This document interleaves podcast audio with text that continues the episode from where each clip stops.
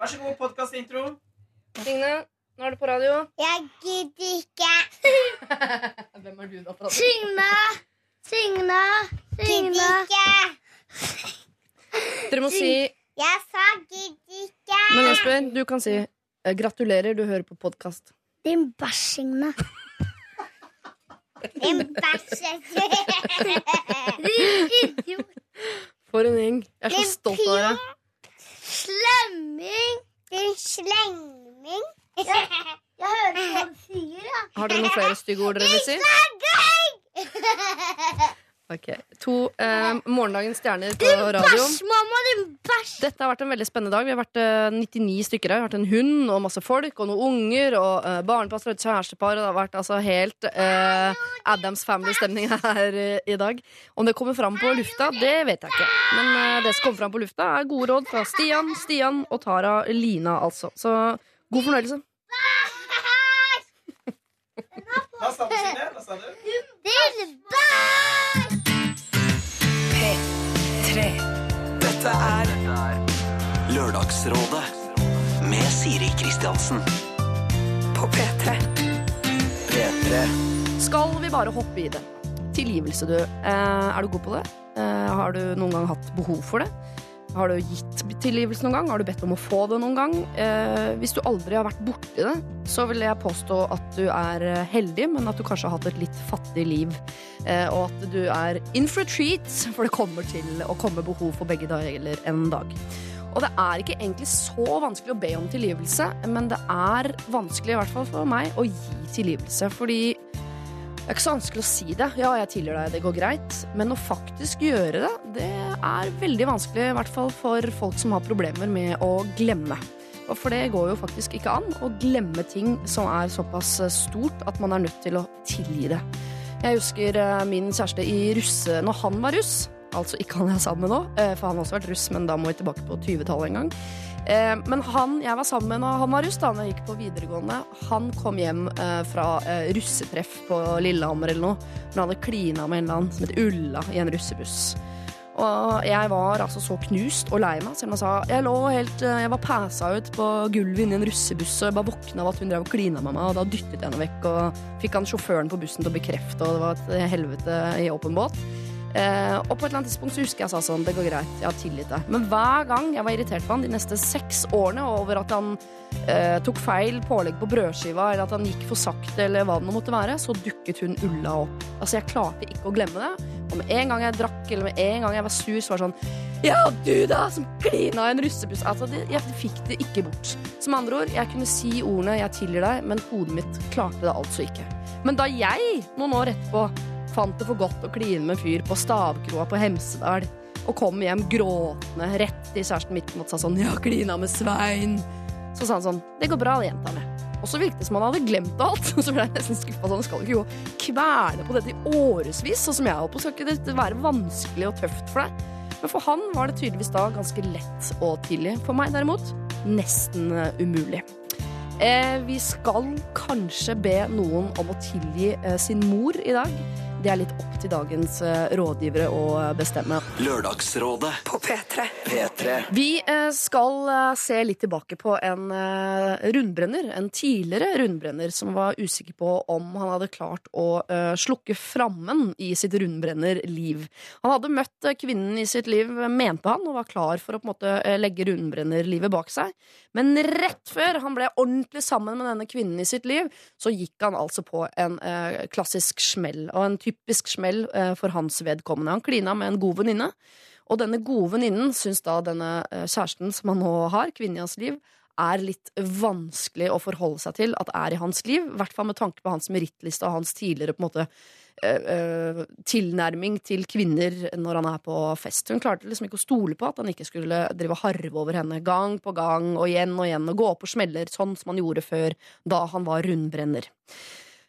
Vi hadde Christian Borch som rådgiver sammen med Sofie Elise og Dag Sørås, og de hadde følgende råd å gi. P3. Så han er jo åpenbart på bedringens vei, og hvis alt han gjorde var å kline litt med oss, ja, det, det kan du tilgi. Og så kan du der.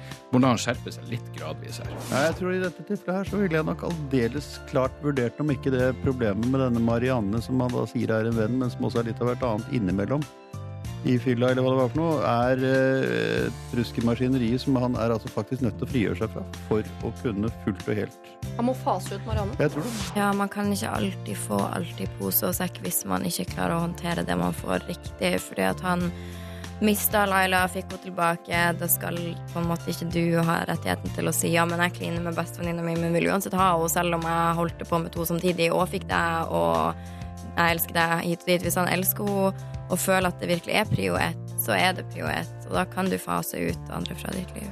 Dette er Lørdagsrådet på P3. P3.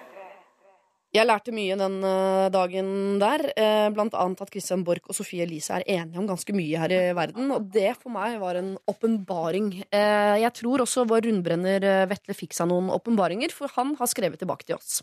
Utrolig kult å høre sitt problem på radioen. Jeg sendte en mail til dere hvor jeg spratt champagnen for tidlig, da min sære innrømmet at dette enda plager henne, og jeg har bestemt meg for å starte utfasing, siden Christian Borch mener det er det eneste riktige. Det vil med andre ord si at Marianne, venninnen til Vetle, nå er i ferd med å bli tidligere venninne, fordi han har slukket flammen i sitt rundbrennerbål og ønsker å satse på kjærligheten, og da er det altså snakk om å inngå noen kompromisser, og første kompromiss ut er altså at Marianne er en sagablott. Og med den sagablotten så er altså Vetle Rundbrenneren en sagablott, og nå er han bare Vetle. Dette er P3. Donkeyboy var det der med sin eh, dollar, og uh, SoMe-festen er i gang. Vi har jo altså tre rådgivere i dag som eh, seg imellom har 17 milliarder følgere på blant annet Instagram. Stian Blipp, Stian Staysman og Tara Lina. Hei! Skal vi bare begynne der, eller hvor mange følgere har dere på Insta? Stian Blipp først. Skal vi se hvem som vinner. Jeg har 285 000. 285 000. Tara, høyner du dem? Ja, 10 000. 10 000. 12 000, ja. 12 000. Stian Staysman? Eh, Insta. Ja. 75 76 000. Ok, Stian Blipp, du vant. Yes! Med noen hundre tusen, bare, da. Knepen. Knepen Knepen liten seier seier. der. Stina, eh, Stina Blipp, som du heter fra nå av. Altså, I disse dager så kan jo det fort skje. Ja, men Det er jeg, hipt å skifte kjønn nå. Jeg er også veldig opptatt av å fucke opp maktbalansen i et eh, rom. Så den som er høyest oppe, skal rives lengst ned, Okay. Ok. så it's on. Si jeg så sånn. feil. Jeg har 2,8 000 følgere. Jeg vet ikke forskjellen, for jeg skjønner ikke hva den K-en står for. Um, Tara Lina, la oss Kilo, begynne, kilo! begynne med det. Hvordan er livet i virkeligheten? Hvis vi nå glemmer eh, sosiale medier et øyeblikk. Eh, Vet du hva, Livet i virkeligheten nå er egentlig ganske topp. Ja. Ting går som det skal. Jeg har begynt på skole. Ja. Begynt å ta opp fag. Ja. Eh, Hva er, det du tar, altså, er det videregående du tar opp? eller- Videregående, jeg tar videregående. Men Ja. jeg sier bare sånn, jeg er student, og alle sånn, hva studerer du? Jeg bare sånn, mm, eh, VGS. Og så er det sånn, ok, kult. Men jeg studerer i hvert fall VGS nå. Ja. Eh, og så Allmenn, da skal du ha altså, allmenn utdannelse, sånn at du kan studere videre derfra? Ja. Det er det som er planen? Men heter det da Heter det å studere når man går på videregående? det gjør det, fordi jeg har studentkort. Ja, du har det, ja. Ikke sant? Ja, ja, Det går på. Hva jeg bra. egentlig da, hvis ikke hvis Nei, jeg vet ikke, men jeg, bare, jeg, bare, jeg har jo gått altså, Min eh, videregående karriere eh, spenner jo over tre måneder, bare. Eh, og jeg husker bare at jeg, jeg var sjelden jeg sa jeg studerte, da. Men eh, jeg eh, Ja, jeg har ikke gått på skole, så jeg vet ikke hva man For en underutdanna gjeng vi har her i dag. Åssen er det med deg, Stian Ja, jeg- Stesman? Har du fullført videregående, eller? Jeg prøvde å ta allmenn påbygg, men uh, For en gjeng. Men det er deilig, jeg har aldri vært i et rom før hvor det er flere som ikke har fullført. Ok. Det Altså, føles bra. Altså, her, altså, de som får råd i dag, Det er de skal- på de skal ta det med et ausekar med salt. Eh, Altså, jeg har en to-tre utdannelser, så jeg skal klare å ro dette i land eh, åkke som, ja, folkens. det er godt. Eh, skal vi ta en runde på sivil status, bosted, livssyn og forbilde? Eh. Taralina, du kan få begynne. Eh, Sivilstatus. Ja. Jeg har eh, poikvenn. Ja. Eh, Er han svensk, eller synes Sine sånn? Nei, men jeg skulle ønske det. Ja, de er søtere, ikke sant? Mm. Ja. De har det. De har det. Eh, så bor jeg på Bislett. Ja. Og så Hva var det andre? Eh, livssyn. Livssyn, ja. Ikke sant. Um, Jeg sier at jeg er muslim, men jeg er jo ikke muslim. Jeg er født muslim. Men Ja. jeg gjør jo alt det en muslim ikke skal gjøre. Så jeg vet Så ikke. du driver med drikking og knulling og alle de greiene der? Spiser du gris? altså, moren og faren din hører ikke på, jeg lover. Mamma hører på. For jeg Gjør mamma det? høre på. Ja, Ja, ja. ok. Jeg gjør Ja. ingenting av det, mamma. Nei, absolutt ingenting. Men jeg, av og til så er jeg ikke snill. Nei. Nei. Eh, Stian Staysman, det ble for mye for han. Eh, forbilde? Um, skulle si liksom Allah, men det Ja, si det da hvis moren din hører på. Allah. Ja. Stian Blipp, åssen er det med deg? Eh, med meg så er jeg Jeg er jo i forhold, jeg. Ja. Eh, driver med den greien der. Eh, bor Ikke rosemal det så innmari, ja, du. Nei, ja, ja. Litt. Holder på med det der, vet du. Eh, styrer med det. Eh, bor uh, bor på Solli plass. Ja. Der, ja. Eh, og livssyn, jeg vil si agnostiker. Ja. Jeg, eh, jeg skal ikke avfeie at det finnes noe stilig der ute, men jeg har ikke helt eh, funnet ut hva det er ennå. Men hvis noen kan vise meg det, Mm. så tar jeg det imot med de åpneste armer.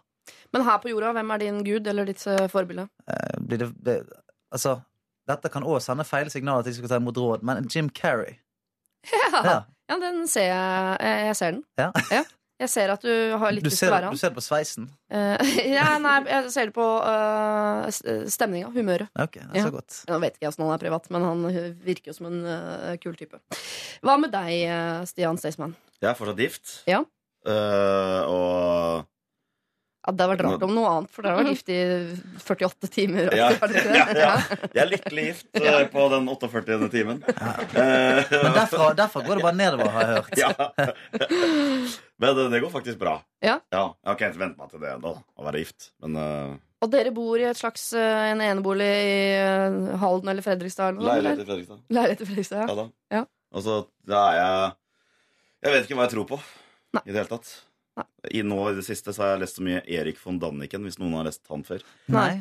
Er det noen her som leser bøker, tror du? Altså, Oi. har du fått inntrykk av Oi, det? oi, oi, oi! Selv om ikke vi eh, Jeg sa vis, jeg dro meg selv med ned i søla. Det er lov. Han har en heftig teori om at eh, det er en annen eh, livsform der ute i universet som har vært på jorda og på en måte skapt oss i sitt bilde. Så han mener at det er aliens da som står bak. Ja, det er eh, veldig scientologiaktig, da. ja. Det er, Litt. Men det som er greia er at når du leser bøkene hans Han er så flink til å skrive, så du tror jo på alt han skriver. Han virker veldig overbevisende. Så akkurat nå så tror jeg på at det er ja, det er aliens. Ja, det er eh, aliens, ja. Ok. Ja. Nice. Og ditt forbilde da er Jannicke Jarlum, eller? eh? Det var akkurat det jeg skulle bra. Hans forbilde er alle de som ser på History Channel. De er sånn Doomsday Preppers. Og alle de greiene. det. Og for øvrig elsker jeg Agent Mulder. Han er ekte, ikke sant? Ja. Ok, dere. eh, For en herlig gjeng. Vi har ikke eh, voldsomt mye utdannelse, eh, men vi leser bøker og skal gi råd fra Ja, men det er, det er min oppsummering av dette. Vi har ulike livssyn, ulike forbilder, og i det hele tatt så er det ganske bredt spekter av råd du kan få her i dag fram til klokka tolv.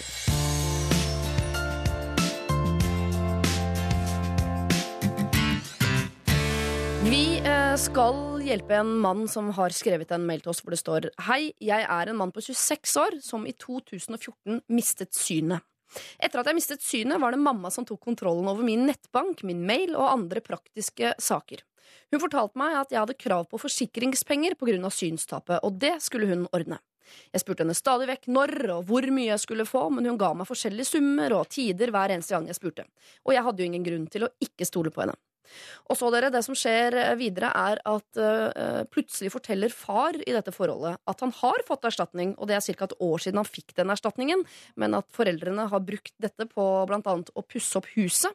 Uh, og sier da at det er til ditt eget beste, det er jo du som skal arve huset, og de var redd for at han skulle bruke opp pengene på tull.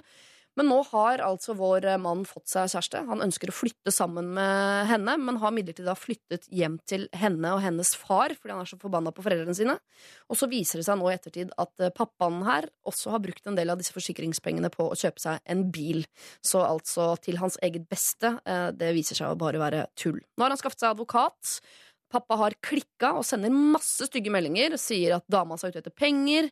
Men nå har mor betalt tilbake det, hun, det de skylder. eh, Men far har da sagt på en SMS at han ikke lenger er hans sønn. Mamma vet ikke noe om alle meldingene vi har fått fra han. Hun prøver stadig å ta kontakt med meg, men det er vanskelig å tilgi henne for det hun har gjort. Mitt største problem er at hun aldri har sagt unnskyld, og jeg vet ikke om jeg kan stole på henne igjen. Hun har jo gjort opp for seg, men det er vanskelig å glemme alt som har skjedd. Skal jeg tilgi henne og ta opp kontakten igjen, eller skal jeg la mine fremtidige barn vokse opp uten både en farfar og en farmor? Hilsen Simon. Altså, om Simon her skal tilgi sin mor eller ikke, det skal dere tre få lov til å eh, diskutere og komme fram til. Altså, dette er jo en sånn eh, historie man hører som man nærmest ikke tror er sann. Ja. Fordi eh, Altså, jeg ble oppriktig sjokkert, eh, rett og slett. Eh, og det første som slår meg, er jo at dette her må jo være kriminelt. Altså, ja, det er det vel. Ja, ja, altså sånn bare set, Hvis du setter alt til side, så er det sånn Det er jo bare Det er kriminelt. Du stjeler, stjeler pengene til din nylig blinde sønn. Det høres jo helt insane ut. Eh, men for å ta, for å ta han karen her, da. Så, eh, problemet er jo Skal han tilgi sin mor og sin far? Ja, Um, far tror jeg spør han ikke om engang. Han er ikke på bordet. han er liksom. ikke på bordet. Nei. Altså, jeg vil jo si at hadde min mor gjort dette her, Ja. så hadde jeg nok ikke klart å tilgi henne. Um, på den måten som, eh, som man kanskje tenker at uh, å tilgi betyr. Men det jeg kanskje kunne klart, var å uh, um, etter mange år slå meg til ro med det, sånn at jeg i hvert fall kunne hatt et eller annet form for forhold til min mor, men jeg tror jeg alle kunne uh, tilgitt henne eller blitt like glad i henne igjen. Nei. Hvis jeg hadde hvis jeg, jeg er 26 år nå. Jeg bare ser for meg Hvis jeg hadde blitt blind nå, eh, hadde jo selvfølgelig gjort meg ekstremt opprørt. Og hvis mine foreldre da hadde kapitalisert på min ulykke og, eh, og løyet og holdt meg for narr på den måten som jeg har blitt eh, gjort her, så jeg bare kjenner det inni meg nå at eh, hjertet mitt hadde sunket så dypt at eh, jeg tror ikke jeg hadde klart å komme meg tilbake igjen fra det. altså Nå hører jo moren din på oss, Tara, har du allerede sagt. Men, og kanskje det gjør at du hemmes litt i det i meningene dine. Men jeg spør allikevel. Kunne du tilgitt moren din for noe sånt? Um, jeg er jo veldig Jeg er jo ikke langsint dame.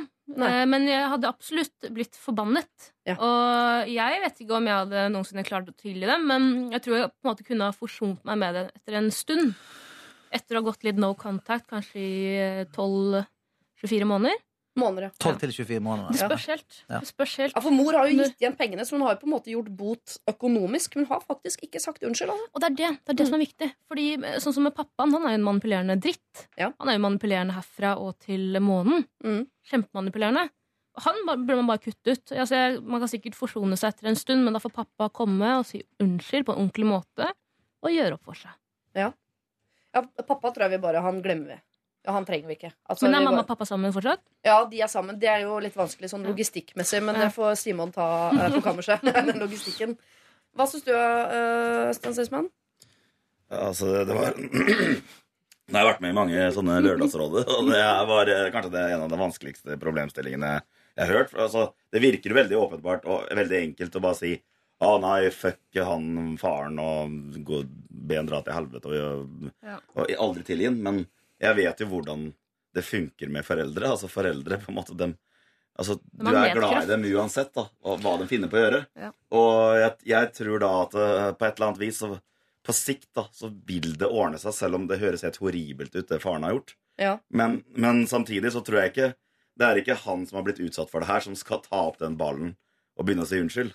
Men jeg tror nok det, det, det, på, på, på et mirakuløst vis så tror jeg om eh, Hvis man ser eh, i langt nok perspektiv, så tror jeg at eh, ting ordner seg litt av seg sjøl. Mm. For at det, det er snakk om foreldre og barn. Altså, det er supertungt når det står på. Men eh, altså, det, ting på en måte går seg til. Men, og det er jo egentlig helt bisart, for hadde det her skjedd i alle andre settinger, at man hadde blitt lurt for så mye penger, så hadde man jo kutta ut vedkommende. Selvfølgelig. Fullstendig. Ja, for, ja, for en, er ting- for en ting En ting er jo virkelig altså, Pengene er jo nær, nærmest sekundært her. Mm. For at, uh, pengene blir jo bare symboler på, det, altså, på, det, på den jævlige handlingen Ja. uh, om at det, det, går en mann, uh, nylig blind mann, og spør hvor blir det av forsikringspengene mine. Jeg er keen på å flytte ut, jeg har fått kjæreste, alt mulig. Og så, så blir det sagt at de har ikke kommet ennå. Eh, når i realiteten de pengene er inne, og foreldrene har brukt dem på å pusse opp huset og kjøpt seg en ny bil. Hvorpå de òg prøver å overbevise han om at dette er til hans eget beste. Noe som òg er, er meg helt eh, nå Altså, har han har vært 14 år, så har jeg skjønt at foreldre sa sånn eh, Vi bare beholder de til du er 18, så ikke du bruker det opp på eh, dundersalt og eh, bilspill, liksom. Eh, som er mulig faktisk å bruke Er det det 200 14-åringer på. bruker penger på nå? Dun, dundersalt og hip- hiphop og hiphop og Coca-Cola? skikkelig godt. Ja. Eh, men han er 26 år, så eh, han var jo over 18 da dette skjedde. Det er jo helt uh, De har jo bare utnyttet Ja, at han er blind. Men, eh, men, Forferdelig. ja, det er helt sinnssykt. Jeg, bare, jeg må si meg enig i noe av det som Stian Staysman sier. Og det, det er jo det at eh, jeg jo tror at det finnes en eller annen forsonelse eh, framme der en eller annen gang. Men jeg, jeg tror ikke jeg kunne klart å tilgitt det.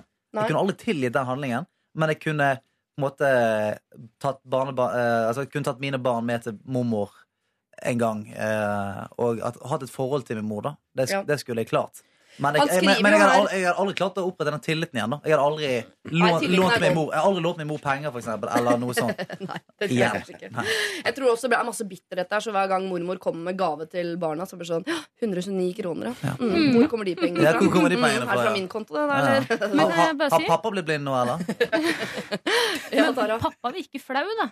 Jeg tror pappa er jævla flau, og derfor blir han, går han i superforsvarsmodus. Og bare 'nei, du er ikke sønnen min', du. Nei. Og så tenker jeg det er jævlig dumt.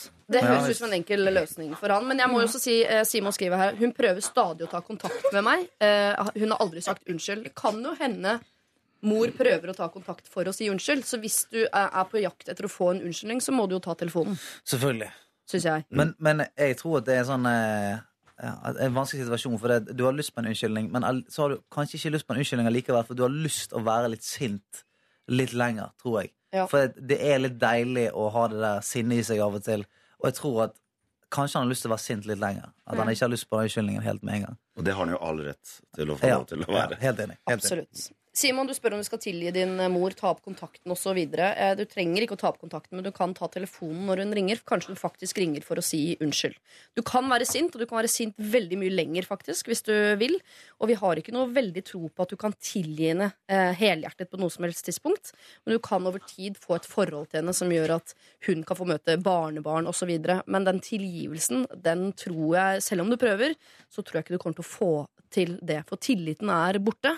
Men at dere skal ha en eller annen form for kontakt, ja, det kan hende. Men det blir om en stund, for du har fortsatt lov til å være sint ganske mye lenger.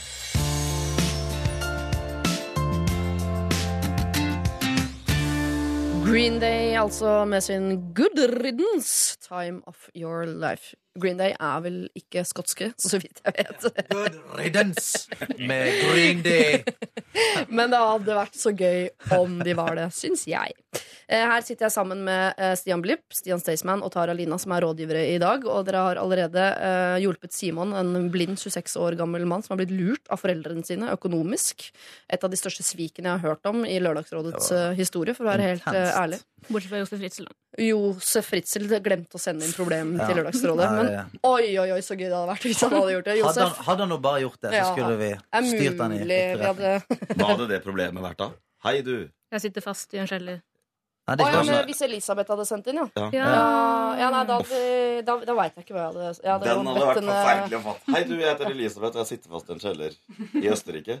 Lag en kniv av noe du finner i kjelleren, og så dreper du han bakfra neste gang han kommer inn med en container med skinke. Det- som jeg har hørt at Det han er lett å også- være etterpåklok. Absolutt. Ja, ja. Det er jo det jeg lever av. Eh, Men nå dere skal vi hjelpe en som heter Sondre, som jeg vil påstå har et noe lettere problem. Eh, Hei, Lørdagsrådet. Vi er noen klassekamerater på videregående som har et delikat problem til dere. For å si det rett ut, engelsklæreren vår lukter avføring. Eller egentlig så lukter hun en blanding av avføring og kokosfett. Lukten er så ille, ille at den selv ikke kan måle seg med en godt brukt bleie som har ligget og godgjort seg i søppelkassa. Nå lurer dere kanskje på hva som er problemet med å ha en såpass illeluktende lærer. Eh, egentlig ikke, men ok, gjerne eh, utdyp gjerne. Vel, problemet er at lukten simpelthen går utover hva vi får gjort i timene hennes. Ingen ønsker å sitte nærme henne, altså på de første radene i klasserommet. Samtidig er det nesten nødvendig, ettersom hun i tillegg har tinnitus og derfor også snakker uvanlig lavt. Vi blir altså tvunget til å sitte langt framme i dette usynlige, illeluktende skjoldet, både for å høre hva hun sier, og for at hun skal høre oss. Når vi har samtaler i gruppe eller alene med henne i mindre rom, gjør stanken at det blir nærmest umulig å fokusere på noe annet. Nå virker det sikkert som om hun har tidenes fæleste, at, at hun er tidenes fæleste lærer, men sannheten er at hun faktisk er veldig skjønn og god. Det gjør det naturligvis mer vanskelig for oss å informere henne om tingenes tilstand. Ingen ønsker å såre en skjønn lærer. I tillegg kan dere sikkert forestille dere at det vil utgjøre en viss risiko for oss med tanke på karakterer dersom denne opplysningen skulle ende i depresjon. Så bør vi gjøre noe eller ikke, og i så fall hvordan? Med vennlig hilsen Sondre på vegne av en gruppe forvirrede kamerater som takker for svar. Altså, Vi har en veldig en nydelig og flink lærer som lukter bæsj og kokosfett. I tillegg har hun tinnitus. Klassisk lærer, altså. Hvor mange lærere er det som egentlig har tinnitus? Hvor mange lærere som har Det tinnitus? som lukter bæsj? Ja, det er vel Jeg tenker Hvis hun hører noe, så Ja. vet hun jo at det er henne. Da er jo problemet løst. Nei, jeg, jeg regner med at uh, hun ikke vet det. Altså, jeg tenker Hvis du, hvis du lukter kokosfett og bæsj, og, uh, og ikke gjør noe med det, da kan du ikke vite noe om det. Men kan hende hun vet det nå, etter å ha hørt uh, på Lørdagsrådet. Det vet vi ikke, men det er jo en deilig bieffekt ved dette programmet, Det egentlig. det. Du er jo den eneste som faktisk studerer av oss nå, Tara Lina, men må du forholde deg til dette? Har du noen lærere som lukter vondt? Nei. Um, egentlig så Jeg har ikke snakket så mye med lærerne mine. Nei. Det er ikke så mye interesse å snakke med heller. Nei. Men uh, egentlig ikke. Vi hadde en lærer før som uh, da jeg var yngre, som lukta makrell. Uh, sånn frisk makrell, eller sånn gammel makrell? Nei, gammel makrell. Okay. Mer sånn født, født med makrell, kronisk makrell om Det høres ut som et syndrom. Makrell, kronisk makrellånde. Kronisk makrell. Hun har vært i krigen, i hvert fall. Hun ble født rett etter krigen. Eh, og det, det var liksom Det var ikke noe kult, men det falt oss aldri inn å si ifra om det. Nei, Men hun hadde ikke også tinnitus, sånn at man måtte være tett på henne hele tiden. Nei, jeg tror ikke det. Nei, Det gjør jo verre, Ja. problemet verre. Ja, for, jeg tenker, for Vi hadde jo en lærer som eh, Hvis han kom bort til pulten og skulle hjelpe deg, så var det litt sånn Åh, hei, hei sann. Eh, for da stinket det litt. Grann. Mm. Men det var aldri noe problem ellers. Men her, her er jo det snakk om en, eh, en bombe. Så, altså eh, en sånn luft Altså en omvendt luftfriskner som bare står i rommet og pumper ut esselukt. Mm. Uh, og, og, og jeg må først og fremst berømme de gutta på veldig eh, sånn, uh, sånn ha- Veldig bra nese, da. At de klarer å sånn plukke ut kokosmelk, bæsj og uh, gammel bleie ut av, av, av lukten. Ja. Men jeg, jeg, jeg vet ikke, jeg. Altså, jeg, jeg hadde ikke klart å overleve i, i, i den Den eimen der. Jeg tror jeg har en, her tror jeg jeg kan kanskje ha en løsning. Oi. Eller jeg vet ikke, da. Nei? Men altså, jeg tenker på den Hvis noen kommer inn i eh, rommet, og man sitter der, og man har tatt av seg skoa, mm. og man har hatt på seg skoa veldig lenge altså, Det er dine sokker det lukter jævlig av. Ja, og når du merker det plutselig. Og så kommer det en inn i rommet som er helt ny. Som er, Hva faen lukter det her? Ikke sant? Og så vet du at det er du som er, du som er skylda.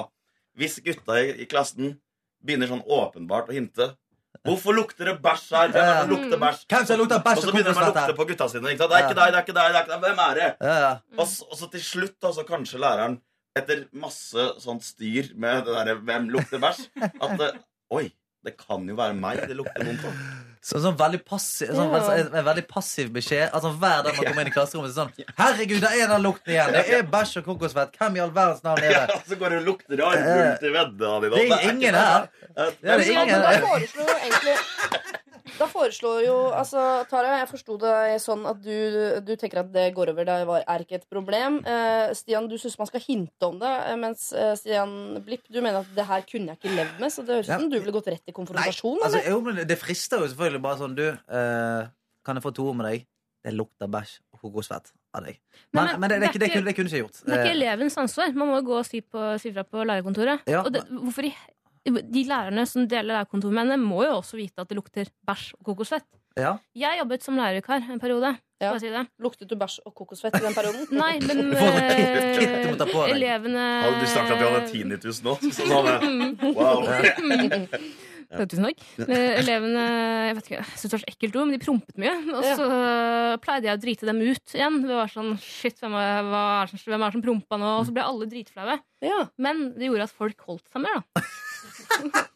Ja, Så du vant til slutt, på en måte? Jeg gjorde det. Ok, Så du, du går fra den gode gamle mobbe ditt til stillhet? eh, eh, Ikke mobbe, men jeg satte det på plass. De må Ja. på en måte vite det. Ja. Men gå til eh, lærerværelset, sier du. Det er jo en annen vei rundt dette problemet. Men da, eh, bare hvis vi setter oss inn i denne skjønne læreren sitt eh, Men det er ikke skjønn, det er bare noe man sier i tilfelle hun skal høre det, på. jeg, jeg, jeg tror de helt oppriktig liker henne. For hvis ikke så hadde de allerede bare mobbet henne ut, eller sånn som man pleier å gjøre med lærere. Men de har jo en eller annen kjærlighet Ja. til henne her.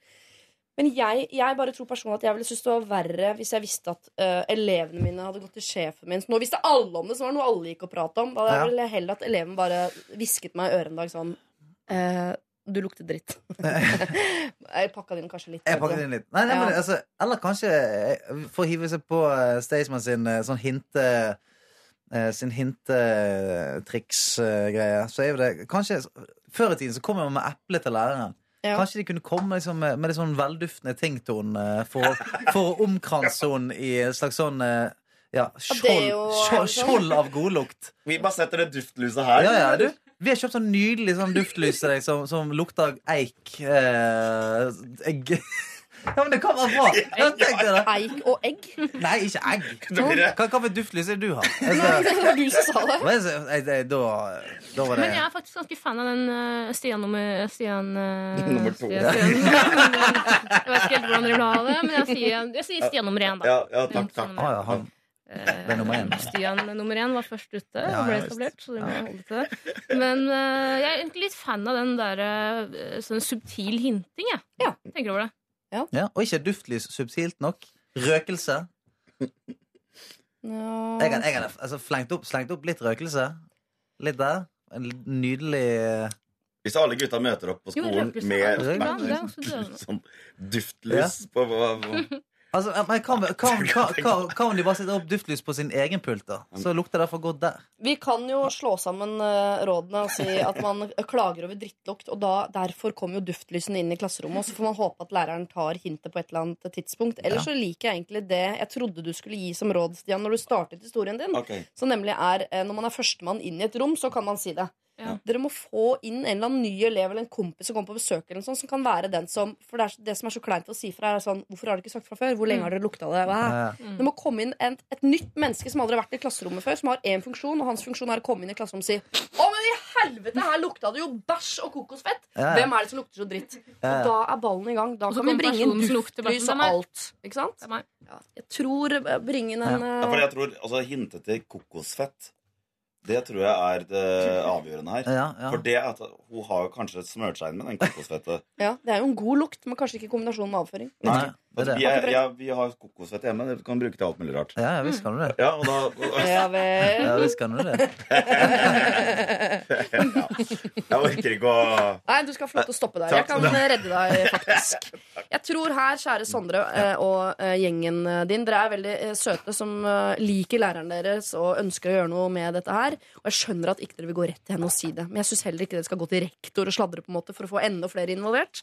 Så bring inn en nøytral eh, person hvis det er mulig, ellers må dere hinte litt. Si sånn, det lukter vondt her, hvem er det? Lat som dere ikke vet. Ellers er det duftlys. Eller så er det å bringe inn et lite duftlys. Gjerne et som lukter egg og eik, Ja. som visstnok er det Eller nye et, duftlyset nå. eller et halskjede av Wunderbaum. Lørdagsrådet med Siri Kristiansen. På P3. P3. Sondre Justad lovte deg, eh, sang eh, han, eh, idet Stian Staysman var i ferd med å plumpe ut med noe inside information eh, fra eh, Skal vi danse-bransjen. Det var bra eh, at jeg nok en gang nå på kort tid reddet deg, eh, Stian. Tusen takk for det, Siri. Ellers måtte du sendt inn et råd til. Ja. Eller noen andre. Ja. Stian eh, Blipp, du er også rådgiver i dag, og det er du, Tara Lina, også. Og nå skal vi eh, treffe en som skriver Jeg ble nydelig Ikke nydelig. Jeg ble nydelig i går, jeg. Jeg ble nydelig etter å ha vært hos frisøren. Men jeg ble nylig 27, har mange venner. Jeg går et eh, profesjonsstudium og har en deltidsjobb med tidenes beste kolleger. Ikke sant. Tenker Tara at det er litt kjedelig, eh, og det er noe av problemet også. Fordi eh, problemet til den jenta er at hun er ensom. Hun, det eneste hun vil, er å ha kjæreste, og hun vil ha barn, og hun vil ha hele pakka. Har hatt kjæreste før, to og et halvt år, så ble det slutt. De bodde aldri sammen. Eh, og eh, hun skriver rett ut at hun er ikke lykkelig som singel. Hun vil ha en å støtte seg på, en hun kan elske, som elsker henne. Og hun dater helt vilt mye. Eh, hun bruker et uttrykk som er Skal se om jeg finner det her eh, nå. Volume dating. Som jo forteller meg at hun dater mye, og hun dater fortsatt, men hun er i ferd med å gi opp. Så til det mannlige skjønn i panelet. Hvor raskt kan en kvinne på 27 år ta opp dette med videre løp? Hvor godt kjent bør man være? Skal jeg være tøff nok til å spørre gutten jeg har mest kontakt med om hva han føler om oss to? Hva skal jeg si? Eller skal jeg fortsette å være hun kule dama eh, til han får tent sin egen lyspære? Jeg vet at du, Siri, har god erfaring med å være ærlig og på på gutter. Jeg håper på, uh, så inderlig på ærlige svar. Vennlig hilsen Tine. Det vil si nå, gutta, Stian og Stian, Dere må skjerpe sansene, eh, gå i dere selv og være ærlige på eh, hva dere liker at jentene gjør. Hvor kjapt de kan være ute med å eh, sette krav eller spørre om fremtid, spørre om oss og i det hele tatt. Mens du, Tara og jeg, vi kan slappe av litt. Grann. Legge oss litt bakpå. Ta en liten pølsesnabb eller hva det måtte være vi skal kose oss med, mens gutta får kjørt seg lite grann. Ja, altså, jeg, jeg tenkte litt sånn tidligere først, da. For at, eh, hun, hun er jo veldig sånn Hun sier det at uh, hun, Nå er hun så klar for kjæreste, og hun dater 50 stykker, eller jeg vet ikke hvor mye som, mye som er i volumdating, men jeg skjønner at det, fall, det er mye. Ja. Og så stiller hun spørsmål sånn ja, bør, bør jeg ta kontakt med han fyren som jeg liker best av de Det, det virker som et dårlig utgangspunkt for å finne seg kjæreste, da. For det at man er så voldsomt på søken at man, man nærmest leiter etter grunner til å kunne bli sammen med noen. Eh, Istedenfor det som kanskje av og til er det eh, eh, eh, motstykket, da. At man, eh, man hele tiden uh, feiltester folk. At det er sånn, Kan jeg ta de med meg i offentlige sammenhenger? Ok, det funker. Ok, da kan vi gå litt videre. Funker de med foreldrene mine? Ok, da kan vi ta det litt videre. At man nesten leiter litt etter feil, da. Mens her, her føler jeg det nesten sånn Hun prøver å finne alle mulige grunner til at dette her er Manios liv. Da. Og det mener jeg er feil måte å gå å tilnærme det på. Mener jeg. Ja. Hva er- tenker du, Staysman? Jo, jeg, det jeg Over til tenker- Staysman. Jeg tenker at det kanskje hun bør Jeg vet ikke alderen, alderen på de eh, mennene hun dater. Nei, men jeg, vi må anta at det er samme alder. da. Mellom 27. 19 og 33. Høres jo litt ut som hun har daddy issues, da. Ja, eller at hun bare jeg tenker sånn, Det er ikke alle som er på jakt etter den der fantastiske passionate kjærligheten, selv om alle sikkert eh, hadde elsket det hvis man uh, ramla borti det. Men noen vil bare ha det livet som er sånn Jeg vil ha det huset, den mannen, de barna, den bilen. Jeg vil bare ha den pakka der. Men- Og det oppfatter jeg at Tine egentlig vil. Gå etter skilte menn på rundt 40. Wow. ja, ja, ja, ok.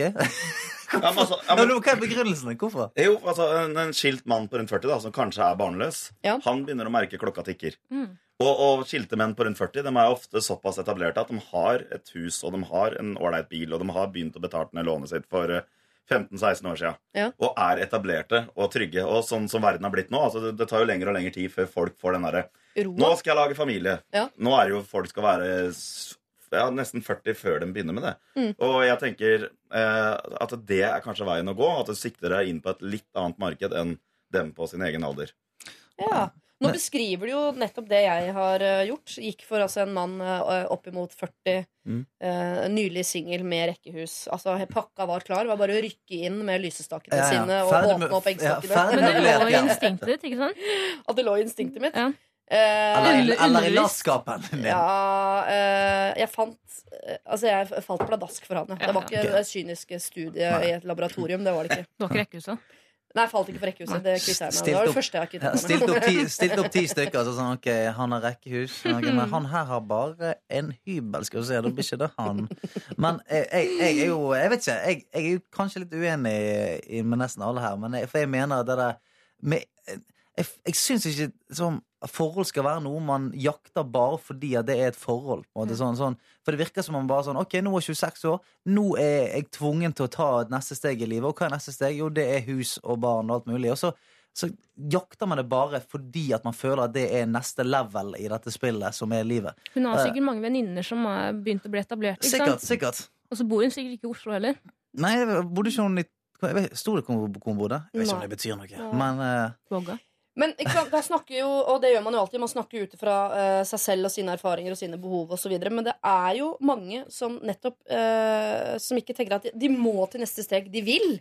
Jeg har fra jeg var 17 år hatt lyst til å være 33, for jeg har gledet meg sånn til det der 33 og hus og mann og barn og sånn. Har, det har jeg villet ha.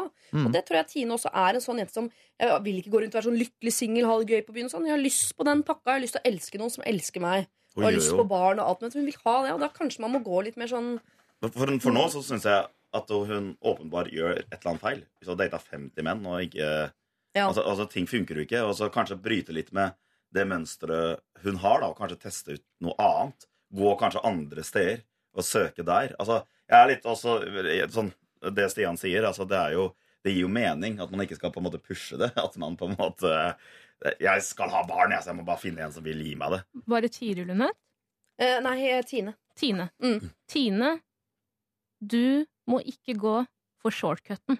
Det er det hun gjør. Hun hopper over altså det mest liksom det, eh, det fornuftige i det. Hun skal bare rett til eh, premien. ja, ja, men og jeg, det jeg, funker føler, ikke. nei, jeg føler litt det samme. Altså. Det sånn, jeg vil ha det. Ok, her er en fyr. Han virker litt grei. Ok, hvor kjapt kan jeg spørre her om vi skal flytte sammen? Det, det, jeg tror nesten det å spørre om sånn, Hvor Ja. kjapt kan jeg spørre det beste alternativet av disse 40 her, hvordan vi skal gå videre? Og jeg, jeg vet ikke. Jeg, eh, det Jeg syns Tine høres litt bortskjemt ut. Det, Det, det vet jeg ikke.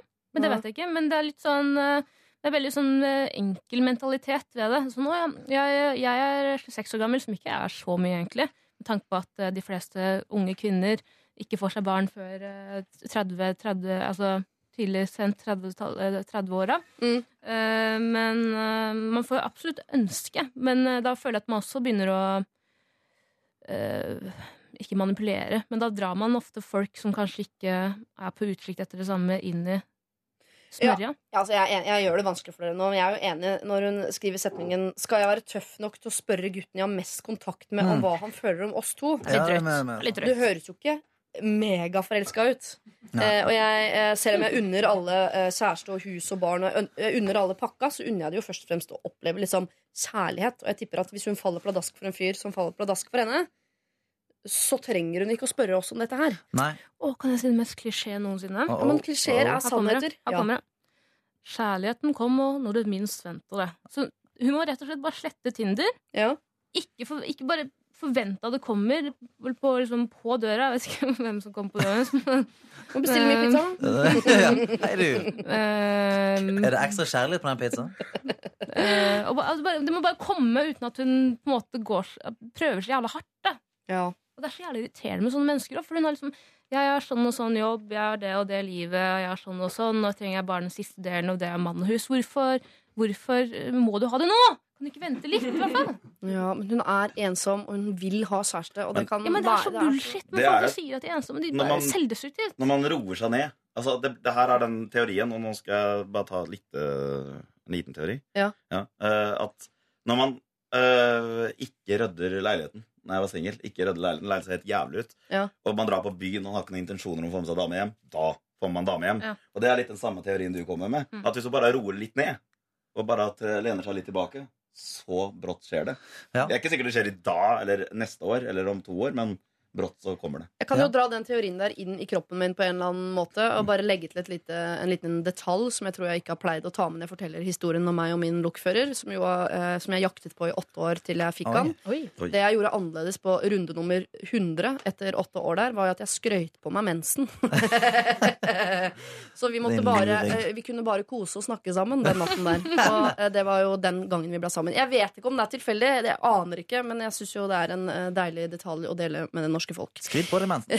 ja. Tine, eh, jeg skjønner at du er ensom. Jeg skjønner at vi har kjæreste og barn.